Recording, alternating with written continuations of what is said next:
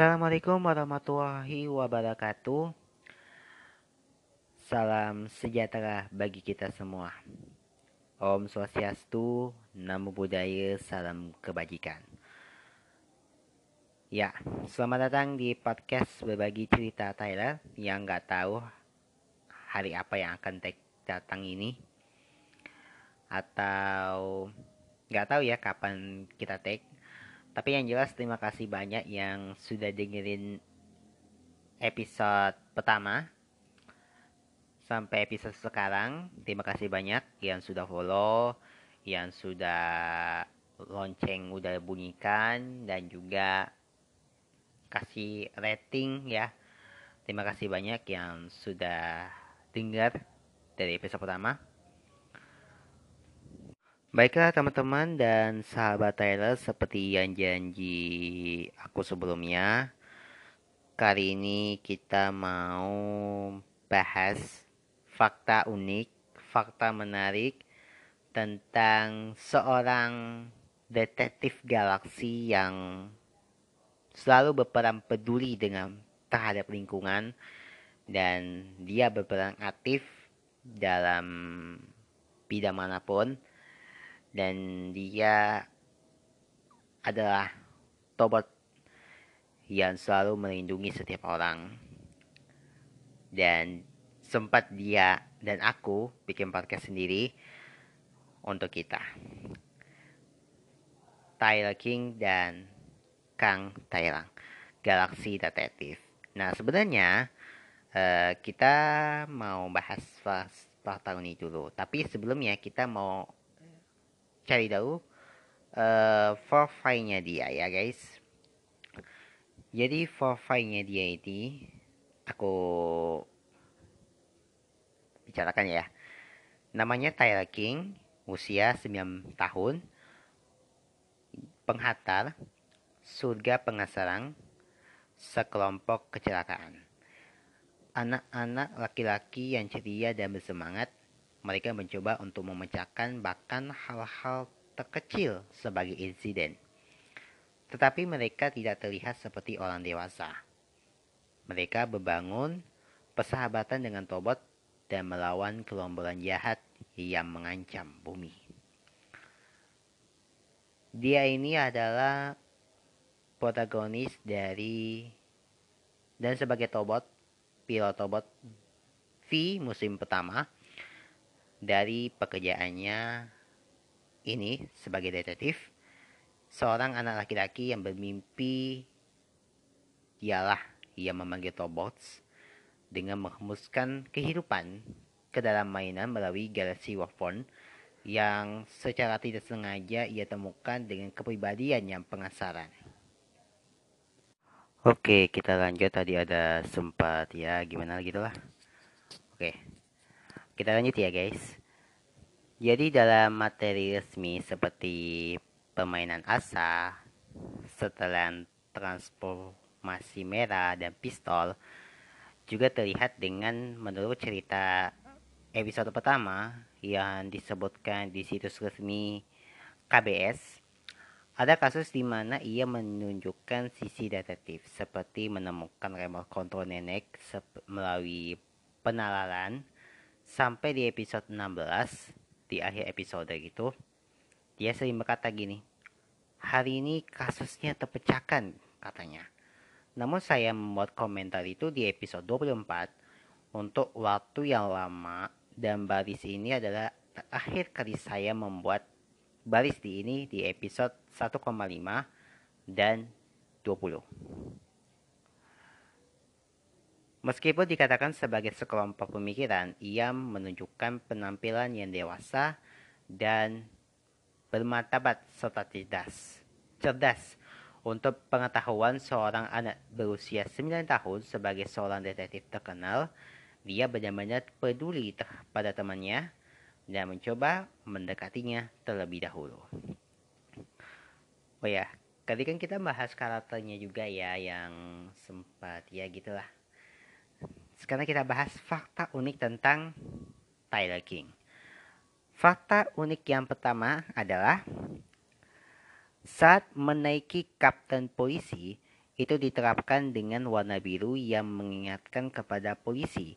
Namun warna biru hanya digunakan jika diperlukan untuk menyamar sebagai petugas polisi. Jadi, uh, maksudnya itu seorang pilot itu harus menyamar sebagai polisi, petugas polisi untuk menyelidiki kasus ini.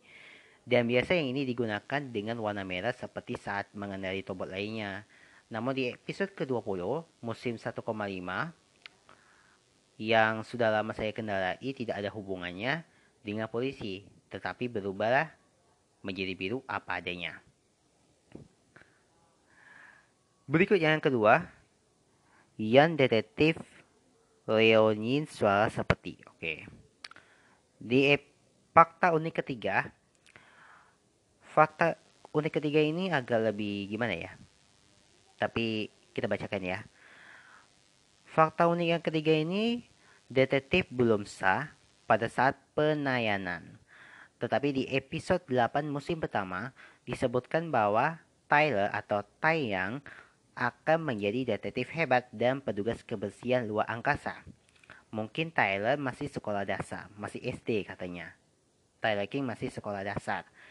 Jadi dia diam untuk melindungi masa kecilnya atau jika ia menjelaskan bahwa detektif itu ilegal, eh, tim produksi ini mungkin tidak sengaja memasukkannya. Mungkin tim produksi mungkin tidak sengaja memasukkannya karena bisa sangat mengganggu jalan cerita kayak ini. Menuju menyerah pada mimpinya menjadi seorang detektif karena Tyler atau Taya menjadi posasi setelah 5 Agustus 2020, detektif sekarang legal di Korea, jadi tidak ada masalah.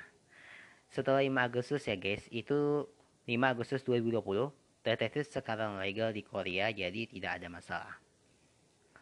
Fakta unik keempat adalah, namun dalam pemberitahuan kalimat garasi wafon memilihmu. Nah, fakta unik kelima, Tyler, ironisnya Kim Seong Hee yang memainkan karakter utama Tyler atau Kang Taeyang itu juga merupakan pengisi suara untuk karakter detektif detektif Conan. Itu animasi misteri terlama di Jepang.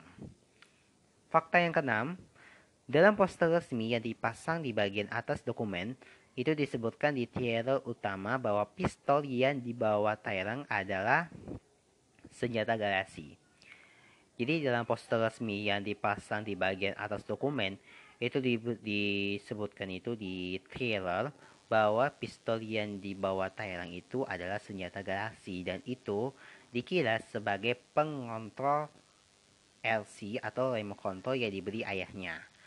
Jas dikenakan di setiap transformasi. Dalam kasus jas berubah menjadi biru hanya karena ketika ditentukan bahwa kemudian kamuflasenya ya dan investigasi infilasi diperlukan saat menaiki kapten polisi. Fakta ketujuh.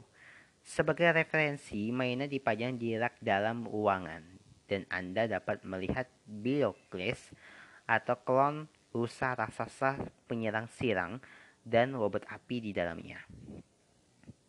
Fakta unik ke-8, pintu masuk di ruang tobot berbentuk katak mereka ada di belakang sehingga mereka terlihat tidak nyaman.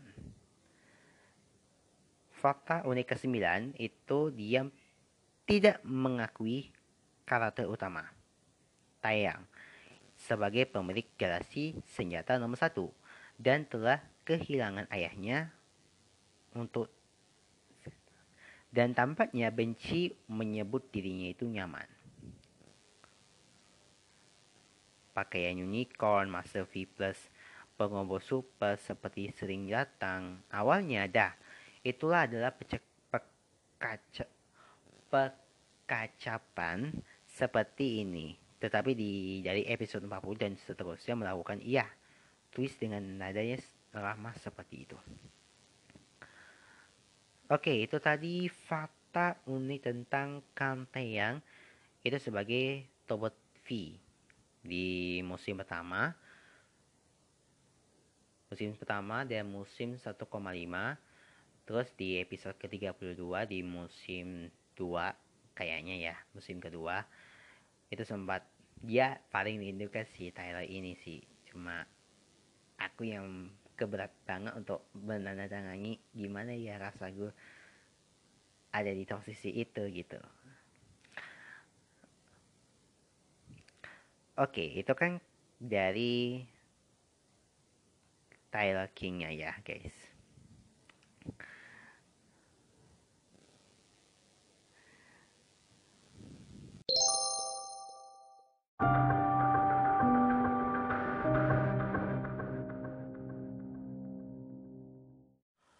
Oke, sahabat Tyler di mana pun Anda berada, terima kasih yang sudah dengerin episode ini.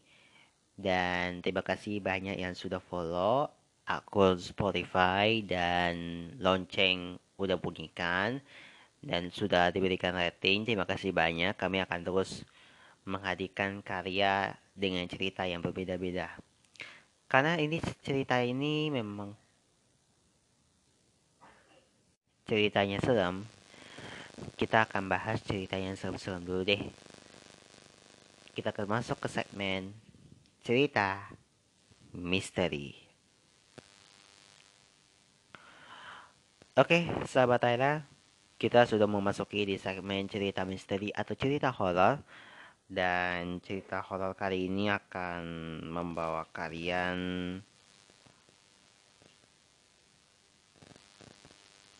bertemu dengan Gunung Tabor.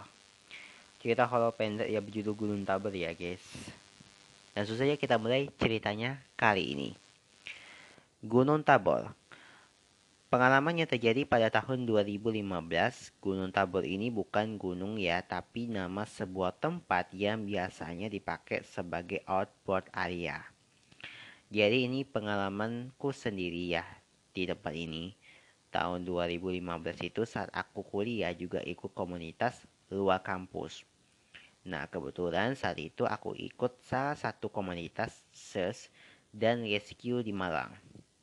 Lumayan sih aktivitasnya ya, bisa nambah wawasan dan relaksasi di luar kampus. Nah, biasanya kalau nggak ada langkah air, Komunitas ini tiap weekend selalu isi acara sama anak-anak kesehatan dari berbagai wilayah. Tiga hari dari Jumat, Sabtu, dan Minggu.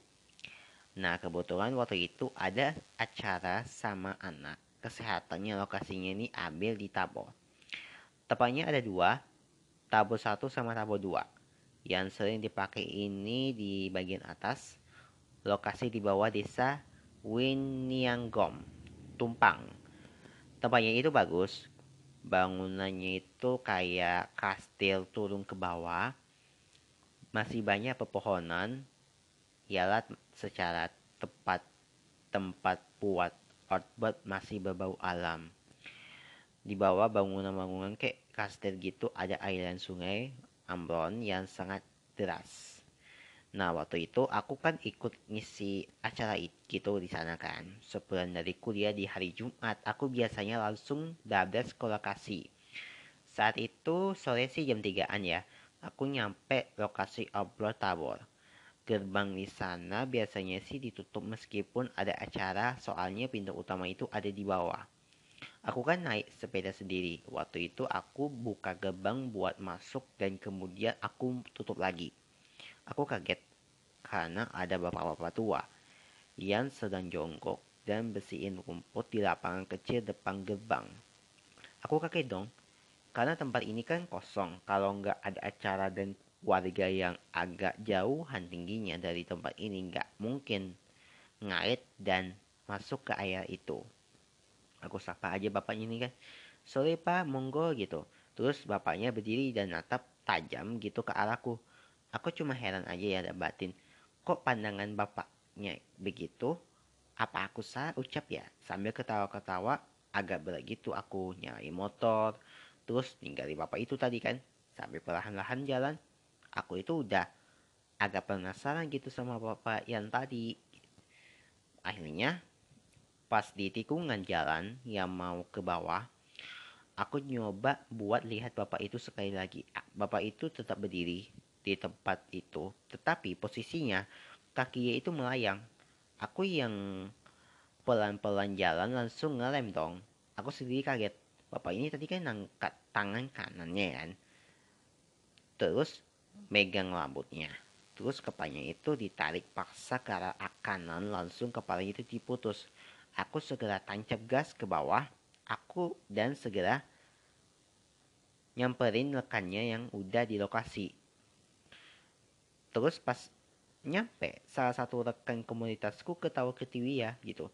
Aku yang lihat tingkahnya kayak gitu cuma sambat, wes pasti main sengkok dulu aku diganggu gitu. Dia itu salah satu TDL atau tim Demit Excuse. Jadi kalau ada yang kesurupan, udah ada mereka termasuk aku gitu. Oke, kita lanjut lagi. Nah, Jumat, Sabtu, Minggu nggak ada kejadian aneh lagi tuh. Nah, pas malam minggunya, mau penutupan acara, kita akan biasanya itu ngadain kiri malam. Pesertanya itu dibagi beberapa tim yang terdiri dari tujuh orang, yaitu dua panitia pendamping dan lima peserta yang ikut cirik malam. Kita mulai itu jam 11 malam, berjalan sesuai rute yang sudah ditentuin. Kebetulan saat itu aku sebagai ketua tim jadi posisiku di depan dan rekanku berada di belakang sendiri dan jalan di belakang peserta. Mulailah kita jalan. Nah di awal perjalanan itu aku batin semoga aja nggak lihat si Wowo sama gagingnya meguel gitu.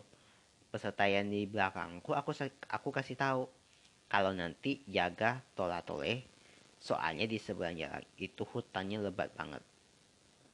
Soalnya di seberang itu hutannya lebat banyak bambu juga dekat sungai. Pas jalan, habis lewat sungai dan mau ke atas tiba-tiba kedengeran suara ketawa melingking begitu. Penasaran udah gak enak nih, aku udah pikir, waduh anak ini pasti udah ngerasa takut ini gitu. Beneran gak ya? Beneran gak lama habis dengar suara ketawa itu tiba-tiba salah satu peserta ada yang jerit. Ternyata dia lihat kaki gantung itu di bawah pohon, nggak jauh dari posisi kita berdiri. Wajahnya itu sampai pucat banget karena dia baru pertama melihat bau gaib secara langsung. Aku coba tengenin lah dan ngasih minum. Berhentikan juga sejenak biar dia cukup tenang. Tinggal dua perjalanan aja sih sebenarnya itu baru kita bisa langsung sampai finish. Tapi mau berjalan cepat itu nggak bisa Soalnya aku juga nggak cukup tega kalau jalannya cepat. Rekanku yang juga panitia dan dia posisi di belakang sendiri itu nggak mampu jalan cepat. Niatku sih kalau jalan cepat bisa segera sampai, tapi kalau di alam harus mendahulukan tanggung jawab kepada semua peserta. Nah, setelah kondisi tenang dan dia udah nggak pucat lagi, kami melanjutkan perjalanan. Nah, posisi di atas ini yang merasakan itu karena tempat tinggal Wowo. Sesamanya di atas, namanya itu pohon bambu itu lebat banget, lebat banget. Aku lihat kanan kiri nyoba, mastiin kalau Wowo itu nggak bakal keluar dan ganggu perjalanan kita. Tapi pas udah nyampe tengah perjalanan, kedengaran suara keleng, keleng, krek gitu. Dirasaku wes isu menepak gitu. Wawa keluar doang, tapi cuma bagian tangan aja dan kuku panjangnya yang kelihatan megang e, beberapa bambu tubuh masih nggak kelihatan. Aku berhenti dan langsung ngorek ke belakang. Jen, malah aku cepat yo. Wendy ono Jen Sawan katanya. Ja jalannya cepat ya, takut ada yang kesurupan gitu. Pajak temanku jawab, gak sanggup malaku air meneneh gitu aku wis sih gitu. Jalan aja terengang aku sih gitu. Aku di depan cuma mengangguk. Mau nggak mau dia jalan pelan. Pas udah dekat sama bambu wowo mata kanan merah itu udah melihat ke daerah kita itu tajam sekali. Akhirnya eh aku nyuruh peserta jalan dulu dan aku berdiri membelakangi bambu tempat tinggal wowo ini. Energi wowo itu gede banget dan panas Punggungku terasa nyilu-nyilu kepanasan banget ngelihat mereka jalan terus sampai Fajar melewatiku. Aku langsung lari dan netrain tubuh sebentar. Setelah selesai kami ngurusin perjalanan lagi. Kita turun lagi ke arah jembatan saat turun. Aku di depan melihat cewek duduk jongkok di pinggir sungai. Dia itu raup, cuci muka gitu. Di airan sungai, bawah jembatan. Aku coba teriak dan ngomong, panitia, panitia, peserta 10-2 gitu. Kode pengetahu posisi gitu. Fajar di belakang langsung teriak, nihil, nihil gitu. Aku langsung ngoleh dan melihat Fajar. Dia nyilangin tangan sambil geleng-geleng. Dia ngasih aba-aba kalau di depan gak ada orang gitu. Jadi yang ngelihat rumah aku sampai aku jalan melewatinya di atas lewat jembatan karena malam aku aku nggak kelihatan wajahnya. Namun perjalanan perempuan, namun perempuan ini memakai baju mirip banget sama pakaian panitia. Pas didekati, dia mukanya rata. Terus yang aku kira jongkok cuci muka, tapi ternyata dekati mukanya ke air, badannya itu udah gaging pas kita jalan. Kepala dan rambutnya itu berenang ke air. Kayak gaging yang berenang-renang tapi kelihatan banget rambutnya. Nah setelah melihat itu, Alhamdulillah udah nyampe ke finish peserta kembali ke kamar mereka masing-masing dan aku cuma sama Fajar langsung jalan ke dapur umum.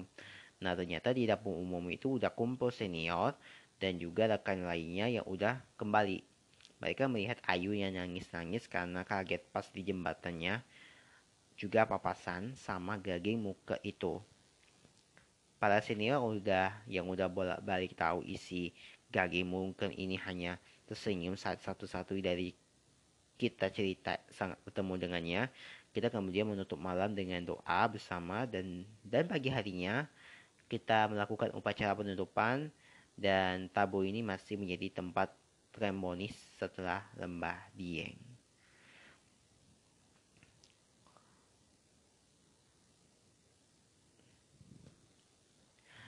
Ini cerita Gunung Tabo. Sebenarnya sih kata-kata netizen ini emang kreatif ya jadi kita bahas cerita komentar dulu deh ya. Komentar dari kita nggak sebutin adnya ya. Katanya belum pernah masuk tapi dulu sering banget lewatin Gunung Tabo yang outboard ini jadi nyeri gitu. Katanya ini dekat sama rumah aku tinggal sekarang yang outboard masih aktif yang kayak penginapan udah lama kosong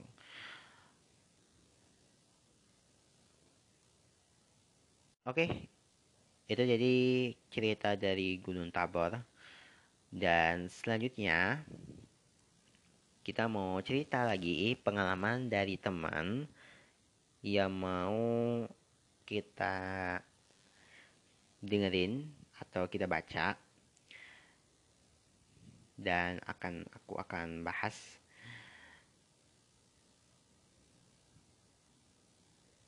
oke okay.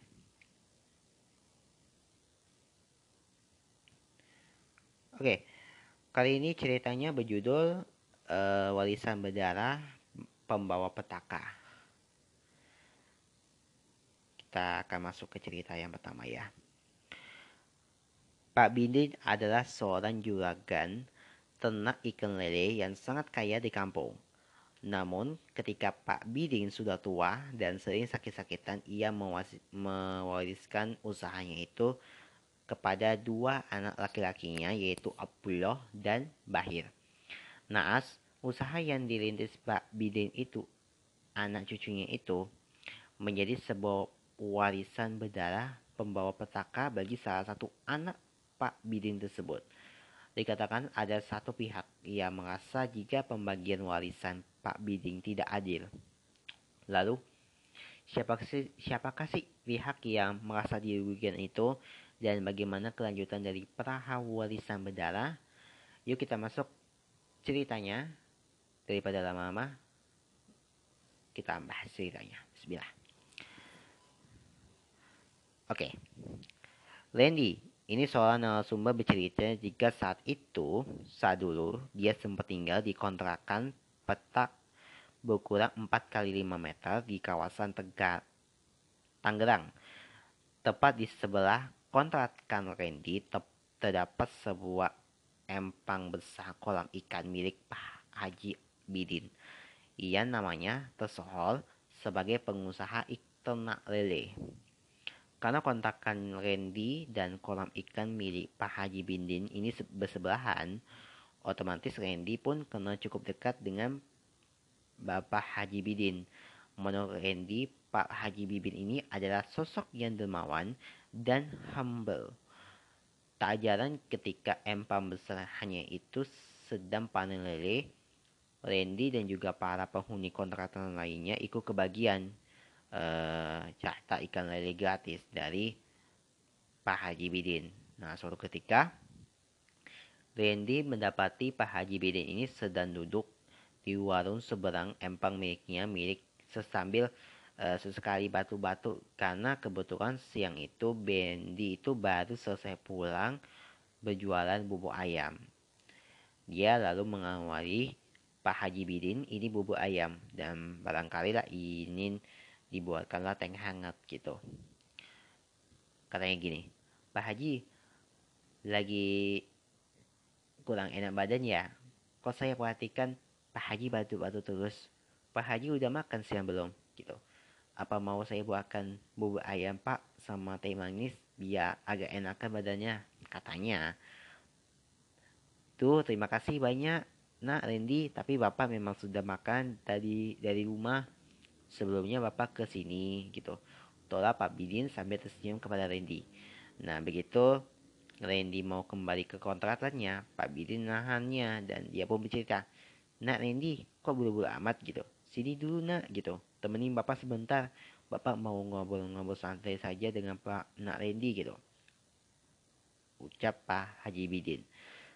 Pak Haji Bidin ini pun langsung menceritakan bagaimana perjuangannya dahulu saat memulai merintis bisnisnya dan juga ketika banyak tempahan hidup yang menerjangnya. Hingga dia bisa ada di titik sekarang, menurutnya bukanlah perkara mudah, dia berkali-kali menerima cacian demi cacian serta hinahan karena dulunya Pak Haji Bidin ini adalah anak miskin dari kampung yang tidak tamat sekolah. Namun karena semangat juang Pak Haji Bidin dan ia tipe orang yang mau belajar, perlahan Pak Haji Bidin ini berhasil menjalankan usaha ternak lelenya. Setelah sebelumnya itu berkali-kali ia gagal dalam membangun usaha yang dirintisnya. Nah, mendengar hal itu, Randy pun terkesima dengan perjalanan hidup Pak Haji Bidin. Ia bertekad dalam hati agar suatu saat nanti ia bisa mencapai kesuksesannya walaupun harus melalui proses panjang dalam menyakitkan. Dalam perbincangan mereka, Pak Haji Bidin ini sesekali memegang dadanya dan seperti nahan batuk. Nak Randy, sepertinya Bapak udah sangatnya akan mewarisi usaha Bapak ini kepada anak Bapak Abdullah dan Bahir. E, sebenarnya sih Bapak sendiri ragu apa mereka bisa melanjutkan usaha tanah ikan lele ini. Karena cuma ini peninggalan yang bisa Bapak beri untuk anak cucu Bapak nanti sebagai lumbung padi mereka gitu. Belum juga Randy pun menjawab pertanyaan Pak Bidin. Tidak lama kemudian, Pak Haji Bibin ini ambruk. Segera Randy berteriak mencari pertolongan atau ambulans untuk segera membawa Pak Haji ke rumah sakit. Nah, setiba di rumah sakit, Pak Haji Bidin ini langsung segera dipasangkan selang oksigen dan dibawa langsung ke ruang UGD. Randy itu menemani gitu. Pak Bidin sampai dengan kedua anaknya Abdullah dan Bahir datang. Saat Randy mau pulang kembali ke kontrakannya, Dia mendapat panggilan dari Pak Haji Bidin. Ia memanggilnya dari ruang perawatan. Nak, nak Randy, jangan pulang dulu nak. Bapak ada sedikit rezeki buat untuk kamu gitu.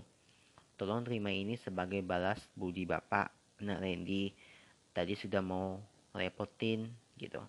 Awalnya Randy menolak, namun karena Pak Haji Bidin yang memaksa Randy pun terpaksa menerima, dan berpamitan pulang karena Pak Haji dan dua anaknya baru saja Randy berjalan beberapa langkah mau keluar. Dia jelas mendengar anak sulung Pak Bidin membuka percakapan.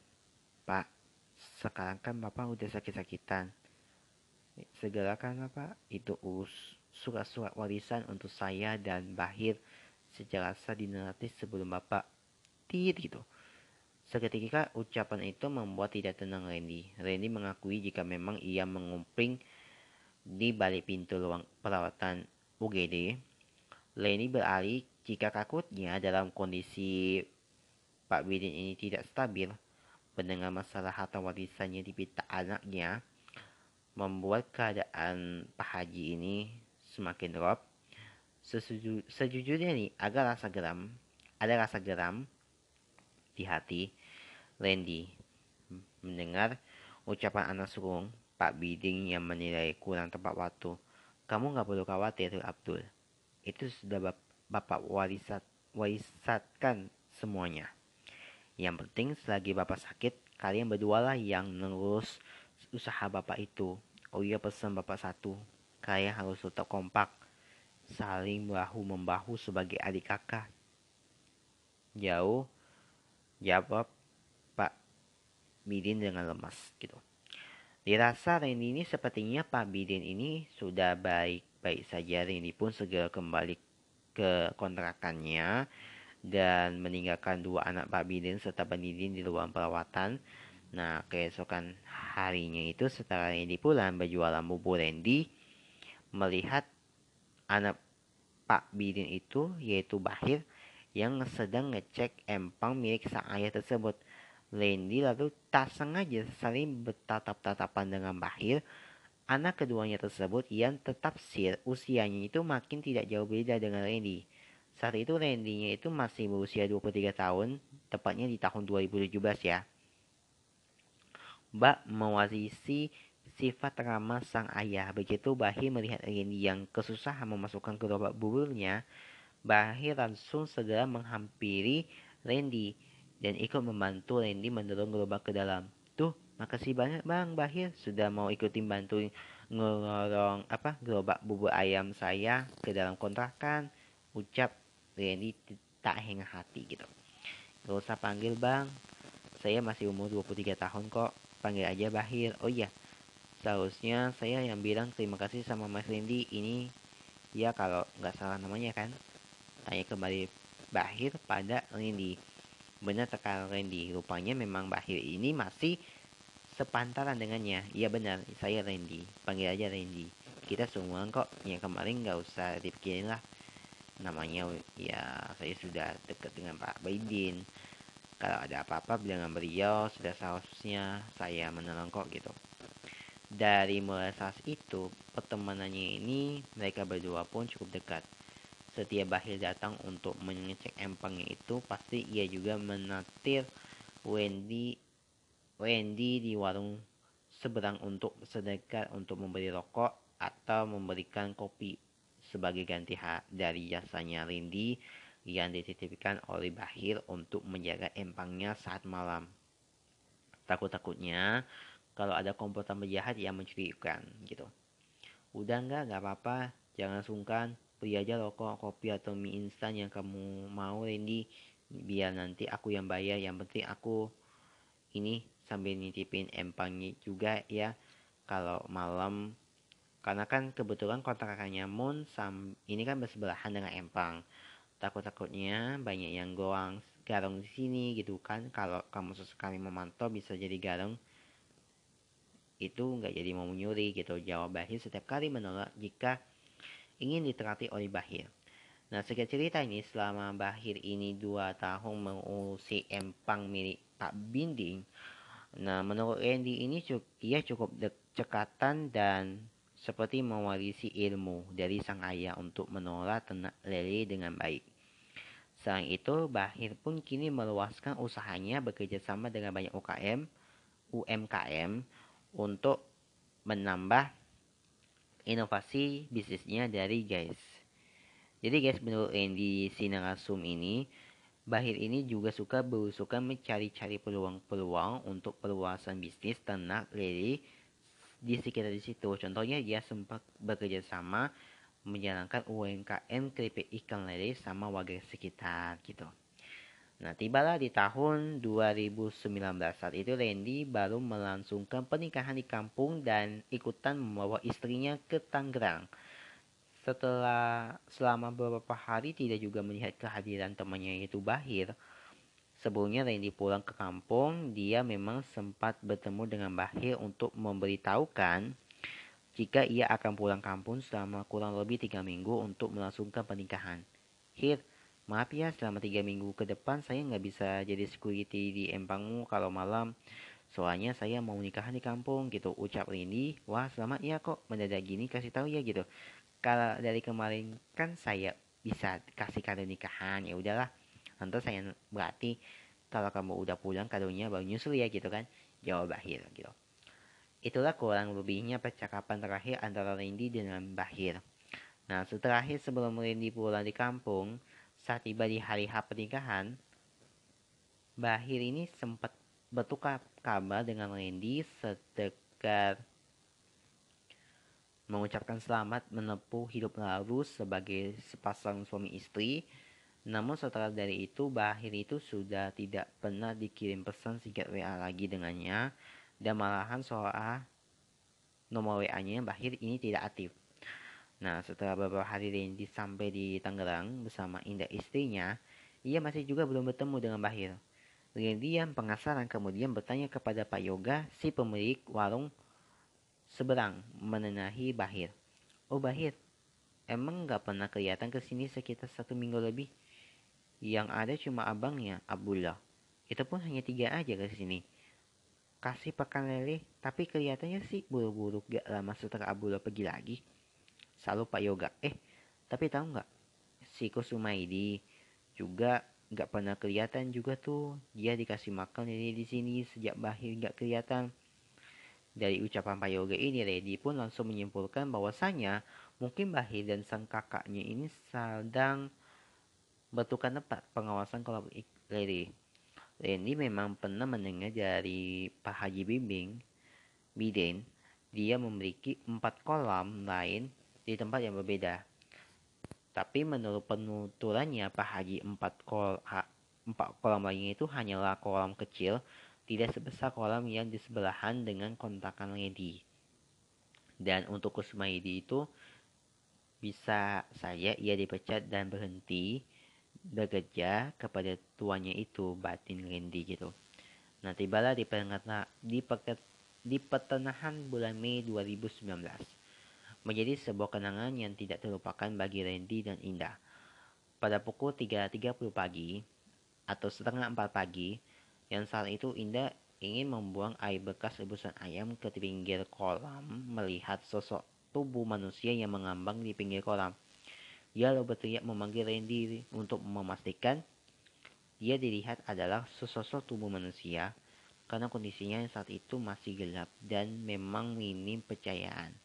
Dengan berjalan perlahan-lahan mendekatinya, sosok tubuh yang menambang itu Randy sama-sama mengenali.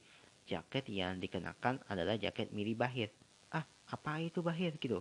Lantas jika itu adalah benar-benar Bahir gitu, apa yang terjadi sebenarnya dengannya gitu? Gugam Randy dalam hati sambil berusaha mereka-reka dari jarak sekitar 3 meter berulah.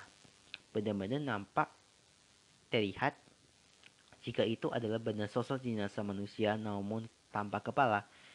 Ah, masih itu mayat tanpa kepala mas gitu. Dia teriak indah ketakutan. Dalam kepanikannya, mereka berdua Randy baru memanukan para tetangga dan warga sekitar kontrakan untuk memberitahukan jika ada sesosok mayat manusia tanpa kepala di empang milik Haji Bidin. Pak Yoga yang sepertinya benar-benar mengenali pakaian sesosok jenazah lalu itu dia lalu berkata, loh itu kan Bahir gitu. Iya benar. Saya pasti nggak salah kalau gitu mayatnya Bahir gitu. Jawab pasti Pak Yoga yang memang menengahi pakaian Bahir. Tak lama kemudian, pihak kepolisian datang untuk mengevakuasi jenazah dan mengidentifikasi jenazah serta mencari bukti-bukti yang masih tertinggal di TKP tersebut. TKP sekitar. Nah, setelah saat jenazahnya berhasil dievakuasi, Nampaklah ada seutas tali yang mengikat kaki korban dan Sepertinya tali itu diikatkan kepada sebuah batu pemberat agar tubuhnya tidak terapung. Naas, polisi hanya bisa menemukan bagian sebagian tubuh yang sudah hancur dan sebagiannya sudah ada yang terurai di dalam air tanpa kepala karena diprediksi mayat tersebut sudah berada lebih dari 10 hari. Belum selesai sampai di situ saja. Randy dan Pak Yoga pun langsung ikut dibawa ke kantor kepolisian untuk dimintai keterangan sebagai saksi penemuan jenazah di hari itu juga. Nah, sesampai dari kantor kepolisian, Pak Yoga dan Rini menceritakan kembali kejadian-kejadian sebelumnya. Bahir itu meninggal serta kecurigaan kecurigaan mereka terhadap seorang di sekitar sana. Pak Yoga menjelaskan jika dia sebenarnya mencurigai Kusumayani, si penerus ternak lele, kepercayaannya Pak Bindin. Karena saat bersamaan dengan Bahir menghilang, Kusuma ini pun ikut menghilang. Tok tok tok apa pak gitu. Setelah diidentifikasi, ternyata benda-benda jenazah tersebut adalah jenazah Bahis Susantono yang sebelumnya memang sudah dilaporkan hilang oleh sang ayah. Ucap pihak kepolisian, polisi Bahir, Fahir, yang memberikan laporan kepada Pak Kandi di luar BAP. Dari hasil keterangan Pak Yoga dan Randy, Berikut sudah diketahui identitasnya si jenazah. Polisi sudah terlebih dahulu melakukan pengejaran kepada Kusmeidi, satu-satunya orang yang dijugai membunuh Bahir. Dalam jangka waktu polisi mencari keberadaan Kusmeidi yang dianggap buron atau orang dalam pencarian. Kasus pembunuhan tersebut sempat menguap selama kurang lebih dua minggu lain lamanya gitu. Selama itu juga pula suasana horor dan mencekam saat malam di kolam empang muncul. Malam hari, sehabis jenazah Bahir ditemukan, Pak Yoga bersaksi saat ini menutup warungnya itu sekitar jam 12 malam. Dia melihat ada seorang laki-laki, lelaki lah ya, yang sedang menjongkok di depan empang dengan posisi tubuh membelakangi warung Pak Yoga. Karena curiga orang itu adalah orang yang men mau mencuri ikan di kolam milik Pak Bindin. Pak Yoga terus memperhatikan gerakannya dekat-dekat dari belakang. Apalagi kan cahaya pengalangannya minim kan. Membuat Pak Yoga itu benar-benar memfokuskan penghiatannya itu kepada orang misterius tersebut. Setelah cukup lama diperhatikan oleh Pak Yoga, tiba-tiba kepala si lelaki misterius itu terjatuh mengiri, ke arah depan warung milik Pak Yoga. Pak Yoga jelas melihat kepala manusia itu adalah kepala bahir dengan warna kulitnya itu yang benar-benar pucat dan kedua matanya itu menggelitik serta mulutnya itu yang sedikit agak menganga ya, ya. Pak Yoga tolong Pak pasangin kepala saya ke Pak ke tubuh saya kembali gitu. Ucap si sosok itu lalu menghilang. Otomatis kejadian horor semalam membuat Pak Yoga sangat amat sangat ketakutan Nah, desas siang hari itu, setelah Randy selesai berjualan bubuk ayam, Randy lalu dekat Pak Yoga, dan lalu Pak Yoga menceritakan kembali kronologis kejadian menyeramkan tersebut. Ah, masa sih Pak? Tapi kalau saya pribadi ya, antara percaya nggak percaya sih Pak. Masa iya orang meninggal bisa digentayangan kah Pak? Tanya balik Randy yang tidak yakin cerita Pak Yoga benar adanya. Iya saya sih terserah kamu mau percaya atau tidak. Kan saya cuma cerita kalau semalam memang saya mengalami hal yang di luar nalar untuk pertama kalinya. Saya juga mau berpesan banyak-banyaknya karena kamu sholat dan mengaji biar dihindari oleh gangguan seperti itu, Randy. Saya percaya selama Kosumayedi belum ditangkap serta kepalanya yang belum ditemukan seperti pasti awal bahir pun masih ada di sekitar di sini. Nah, tibalah di malam hari. Kini giliran Randy dan istrinya yang mendapatkan teror. Jam 10 malam. Saat kedatangan keadaannya itu sudah hening mencekam. Pintu kamar Randy itu diketuk-ketuk oleh seseorang. Indah sang istri yang terbangun dan mendengar ketukan pintu. Lalu segera membukakan ganggang pintunya. Lalu tidak ada tanpa siapa pun ke di sana. Indah langsung menutup pintu kontrakannya kembali sambil dengan kedua kalinya ada bunyi suara ketukan misterius di balik pintu. Indah memutuskan untuk membangunkan suaminya Randy yang sedang tidur untuk melihat siapa yang menutup-nutup di balik pintu. Dengan berjalan sepuyungan, akibatnya masih menantuk, Randy perlahan membuka pintu kontrakan dan ia dan ia miliknya, miliknya ke hadapan wajah Randy. Randy yang benar-benar ketakutan dan shock hanya bisa matung dan mulutnya itu tidak bisa berteriak. Beruntunglah istrinya Indah yang melihat Randy berdiri mematung di depan pintu sambil bergetar ketakutan segera menghampiri dan mengepuk pundaknya Randy sambil Randy terhenyak Randy berkali-kali beristighfar dengan apa yang ia lihat berlalusan. Kini ia percaya ucapan dari Pak Yoga kembali benar adanya jika Bahir meninggal dengan tidak tenang. Berlanjut beberapa hari setelahnya gitu. Gegai dua orang pemuda yang memang sedang berjalan melewati empang milik Pak Binding melihat hantu tanpa kepala. Dua orang pemuda itu mengaku saat sedang berjalan menuju ke rumah kontrakannya. Ia melihat seorang pria yang berdiri namun menghadap membelakangi jalan sambil terlihat sibuk mencari-cari sesuatu di kegelapan. Salah seorang pemuda tersebut yang sebut saja namanya Faris langsung berinisiatif mendekati pria tersebut sambil bertanya, Lagi nyari apa mas itu? Tanyakan penasaran. Eh, lagi nyari apa kepala bang gitu. Tolong bang carikan kepala saya. Jauh si lelaki itu. Ah, jangan bercanda dong mas. Malam-malam malah ngajakin bercanda. Orang ditanyain serius gitu. Nah, Sao Cupi, temannya Faris, agak kasar juga. Iya benar. Iya beneran. Ini buktinya kepala saya hilang. Eh, jawab laki misterius itu sambil membalikkan tubuhnya tanpa kepala yang berhubungan darah. Setelah ketiga kejadian itu, tiga kejadian itu, warga sekitar pun geger. Dan rupa-rupanya ada beberapa tendangan kontakan yang bersaksi jika ia pernah melihat sosok yang menyerupai Bahir tanpa kepala sedang berjalan-jalan mengamati empang Pak Bintin. Di sisi lain, pada hari ke-16 dari penemuan jenazah Bahir, Kusmayadi berhasil dicokok kepolisian di persembunyiannya di dusun perisi Pelabuhan Ratu. Nah, awalnya Kusmayadi ini dianggap sebagai pembunuh dari Bahir berdasarkan pradugaan tidak bersalah. Namun saat diperiksa dari lebih lanjut, Kusmayadi ini hanyalah korban dari Abullah, kakaknya Bahir. Kusmaidi berkata saat itu tidak sengaja melihat Abullah sedang bersih tegang dengan adiknya. Di kebun belakang, entah kenapa permasalahannya kan. Begitu Kusmaidi ingin melalai keduanya yang sedang bersih tegang, Abullah terlebih dulu sudah memakan bandik dan langsung menyabat berkali-kali leher bandit sambil putus. Beneran. Malangnya,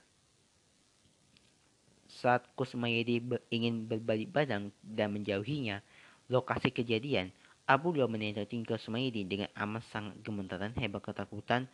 Kusmayedi bahkan sampai tidak bisa berkata-kata melihat pandangan kecil itu.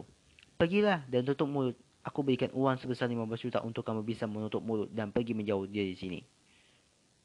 Aku janji tidak akan melibatkan kamu dalam permasalahan ini, tapi jika kamu membocorkan rahasia ini, kepala kamu yang akan ku tebas dengan balik ini. Bentak Abdullah. Kusmaidi dengan gontai pulang ke rumah kontakannya yang tidak jauh dari empangnya milik Pak Haji Bibin. Nah, dalam rasa ketakutannya itu melihat Bahir yang meninggal di depan matanya dengan tragis, tak lama kemudian, pintu kontakan kosong itu diketuk-ketuk. Begitu ia membuka pintu, nyatanya udah ada Abdullah di sana. Ia membawa satu kantong plastik penuh berisi pecahan uang seratus ribuan. Pergi cepat sekarang juga dari sini dan camkan pesanku gitu ucap Abdullah sambil mengasukkan balik di leher Kusmaidi. Dalam masa ketakutan dan kemanikan, Kosmaidi itu ia lalu pergi menemui kerabatannya yang berada di dusun berisi pantai Papua Ratu untuk mencoba melupakan kejadian tragis tersebut. Ukap Kosmayadi. Nah, mendengar pengakuan Kosmayedi, polisi langsung melakukan pengejaran kepada kakaknya Bahir, yaitu Abdullah. Tak langsung berlangsung lama, Abdullah diikut dicocok pihak kepolisian di rumahnya tanpa perlawanan. Abdullah berkali-kali berkeliling dari interogasi polisi. dan membantah semua tuduhan dari Kusmayadi. Abdullah malah mengungkapkan jika sebenarnya Kusmayadi yang tega menghabisi nyawanya Bahir karena sakit hati uang gaji Kusmayadi tidak dibayangkan selama dua bulan. Namun berdasarkan alat bukti yang dilapangkan polisi langsung menetapkan Abdullah sebagai tersangka dan menurunkan status Kusmayedi dari tersangka menjadi saksi. Pak Haji Bidin itu mengampaknya sangat terpukul sekali atas kejadian yang menimpa anaknya itu. Menurut pengakuan Pak Haji, ini semua berawal dari masalah pembagian harta warisan yang dianggap oleh Abdullah sang kakak tidak adil. Pak Haji Bidin ini menjelaskan sebelumnya sang kakak sudah meminta terlebih dahulu jatah warisannya di muka untuk modal usaha membuka toko pakaian. Namun, karena tokonya ini tidak berjalan, Abdullah terpaksa menutup tokonya itu dan ikut menjalankan usaha sang ayah beternak lele. Nah, setelah Pak Haji sakit-sakitan, ia memberikan mandat kepada dua anaknya itu menjalankan baris bisnisnya itu dan ditetapkanlah Bahir itu mengurusi hasil kolam ikan yang berada di tempat uh, di sisi kontakan Randy. Dan sang kakek mengurusinya empat kolam kecil yang letaknya tidak begitu jauh dari lokasi kolam utamanya. Karena muncul rasa iri di hati Habullah, melihat hasil panen lele di kolam adiknya itu lebih banyak, ia meminta menukar dengan empat kolam kecil miliknya. E, saja itu sang adik tidak mau menerima penerimaan sang kakak berkali-kali kakaknya membujuk Bahir untuk mau bertukar kolam. Tapi usahanya selalu sia-sia. Bahir itu langsung cukik dengan pendiriannya karena merasa jika memang itulah bagian waris yang adil dari sang ayah. Karena terus-menerus diliputi rasa iri dengki, Abulom mempersiapkan siasat untuk membunuh sang adiknya dan mayatnya diteramkan di empang dengan mengikatkan tali dengan batu pemberat agar tidak muncul di permukaan. Penyataan tersebut dikeluarkan dengan hasil rekat jejak peristiwa yang di mana memang ditemukan sebuah batu di dasar empang. Nah terakhir nih, atas pengakuan dari mulut Abdullah, kepala adiknya itu ia buang ke dalam sungai. Rencananya memang ia mau menceburkan juga tubuhnya Bahir ke dalam sungai namun ketika Abdullah yang sudah kepalang panik hmm, akibat diperkoti oleh Kusmaidi, ia segera bertindak cepat membuat jenazah adiknya yang sudah diberikan batu pemberat di dalam kolam ikan milik ayahnya saja. Ada rasa penyesalan dari wajahnya Abdullah karena kesalahan, iri, dan dengki membuat ia gerak mata membunuh adiknya itu. Setelah dari kejadian tragis itu, Pak Haji Bidin ini mewariskan mewariskan untuk membagikan warisannya kepada tiga orang adiknya dan hanya menyisakan satu kolam lele kecil untuk anak sulungnya yaitu Abdullah dikelola oleh istrinya. Pak Haji Bidin pun Pak Haji Bidin pun e, menutup mata pada tahun 2021 kemarin dia akibat terkena sakit COVID Akhir cerita setelah pembunuhan hasil dari Bahir ditemukan, gangguan hantu tanpa kepala sudah tidak pernah lagi menghantui warga. Walaupun masih ada serintingan desas-desus yang mendengar jika kini di bawah di daerah Empang milik Pak Haji Bidin itu masih angker pada saat malam hari. Nah oke okay, itulah cerita yang bisa Mimin sampaikan sedikit moral dari cerita ini adalah yang kerja orang tua yang keringatan susah payah potong panting pun ia juga orang tua. Anak gak ikut susahnya nyari uang nggak ikut kerja apa-apa kok. Bisa kirian saat pembagian warisan yang heboh sendirian. Disyukurilah apa yang sudah menjadi bagiannya karena mama, namanya warisan itu bukan bonus ibaratnya kita nggak ikutan capek tapi dikasih harta cuma-cuma